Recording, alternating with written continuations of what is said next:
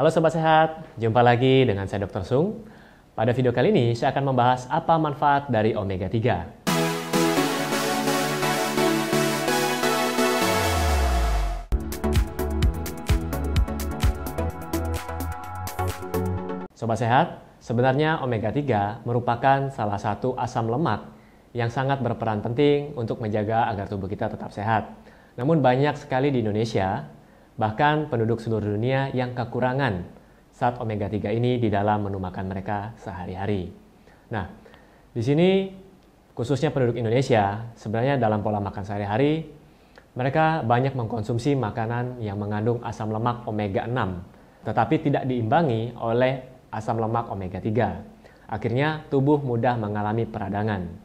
Pada zaman sekarang, sebenarnya banyak sekali penyakit-penyakit kronis yang disebabkan awalnya karena peradangan yang banyak dalam tubuh mereka. Nah, sobat sehat, mungkin bagi Anda yang sering ke dokter atau sering ke rumah sakit dan sering mendengar diagnosa dari dokter Anda dengan akhiran kata itis atau ITIS atau saya sebutkan dalam bahasa Inggris ITIS ya. Jadi ini sebenarnya artinya adalah peradangan dalam bahasa Latin. Contoh seperti ini.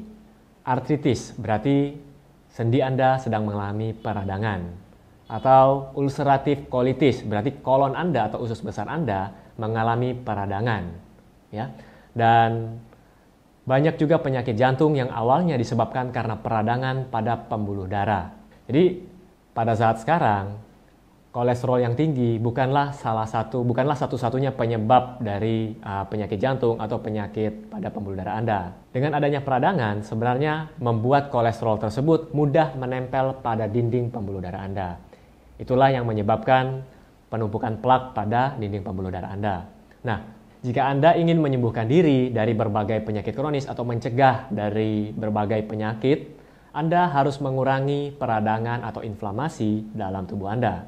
Cara terbaik atau cara yang paling mudah yang dapat Anda lakukan adalah dengan menambahkan omega 3 dalam menu makanan atau menu diet Anda sehari-hari.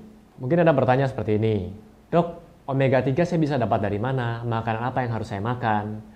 Nah, sobat sehat, sumber omega 3 yang paling mudah Anda temukan berasal dari telur. Kemudian Anda juga boleh mengkonsumsi makanan uh, ikan, ya, ikan laut misalnya ikan tuna, sarden, mackerel, dan ikan salmon.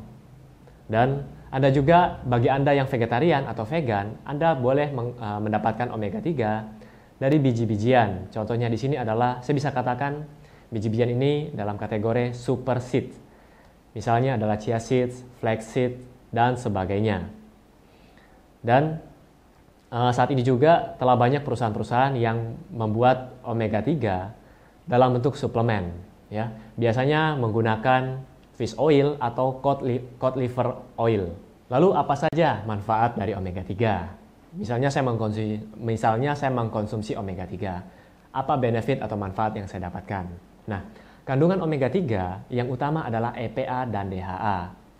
Di mana omega 3 memiliki manfaat seperti yang saya sebutkan sebelumnya, memiliki manfaat anti radang atau anti inflamasi.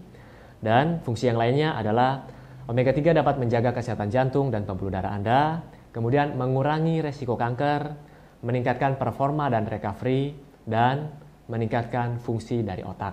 Apakah anak-anak boleh mengkonsumsi omega 3? Saya juga mendapatkan banyak sekali pertanyaan dari ibu-ibu, ya terutama pada para ibu. Mereka bertanya, dok anak saya masih bayi, boleh enggak saya kasih suplemen omega 3? Dok anak saya sudah masuk usia sekolah, boleh enggak saya kasih suplemen omega 3 supaya anak, pin, anak saya pintar di sekolah? Dok anak saya enggak pernah dapat ranking dok, kalau saya kasih omega 3 bisa enggak anak saya juara satu? Nah di sini saya mau bahas terlebih dahulu. Jadi sebenarnya omega 3 sudah terdapat dalam kandungan ASI. Jadi bagi para ibu-ibu yang mempunyai anak bayi yang masih berusia di bawah 6 bulan, sebaiknya Anda hanya memberikan ASI. Tenang saja, ASI Anda sudah mengandung omega 3. Dan sebaiknya Anda tidak memberikan makanan tambahan dari luar atau kita sebut dengan ASI eksklusif. Lalu bagi para ibu yang mempunyai anak-anak yang sudah memasuki usia sekolah, anda boleh mengajarkan mereka untuk mengkonsumsi makanan-makanan yang mengandung omega 3 dan makanan yang mengandung serat. Ya, jangan para ibu hanya mencari gampangnya saja mungkin karena uh, sibuk bekerja, akhirnya anak Anda Anda hanya memberikan mereka mie instan setiap hari atau hanya nasi goreng karena ingin cepat, ya. Akhirnya uh, perkembangan otak anak Anda tidak sebagus jika Anda memberikan uh, makanan dengan gizi yang baik. Di sini saya juga mendapatkan data bahwa di Indonesia jumlah uh, konsumsi mie instan di tahun 2015 mencapai lebih dari 13 miliar. Wow, sangat besar sekali. Oke. Okay?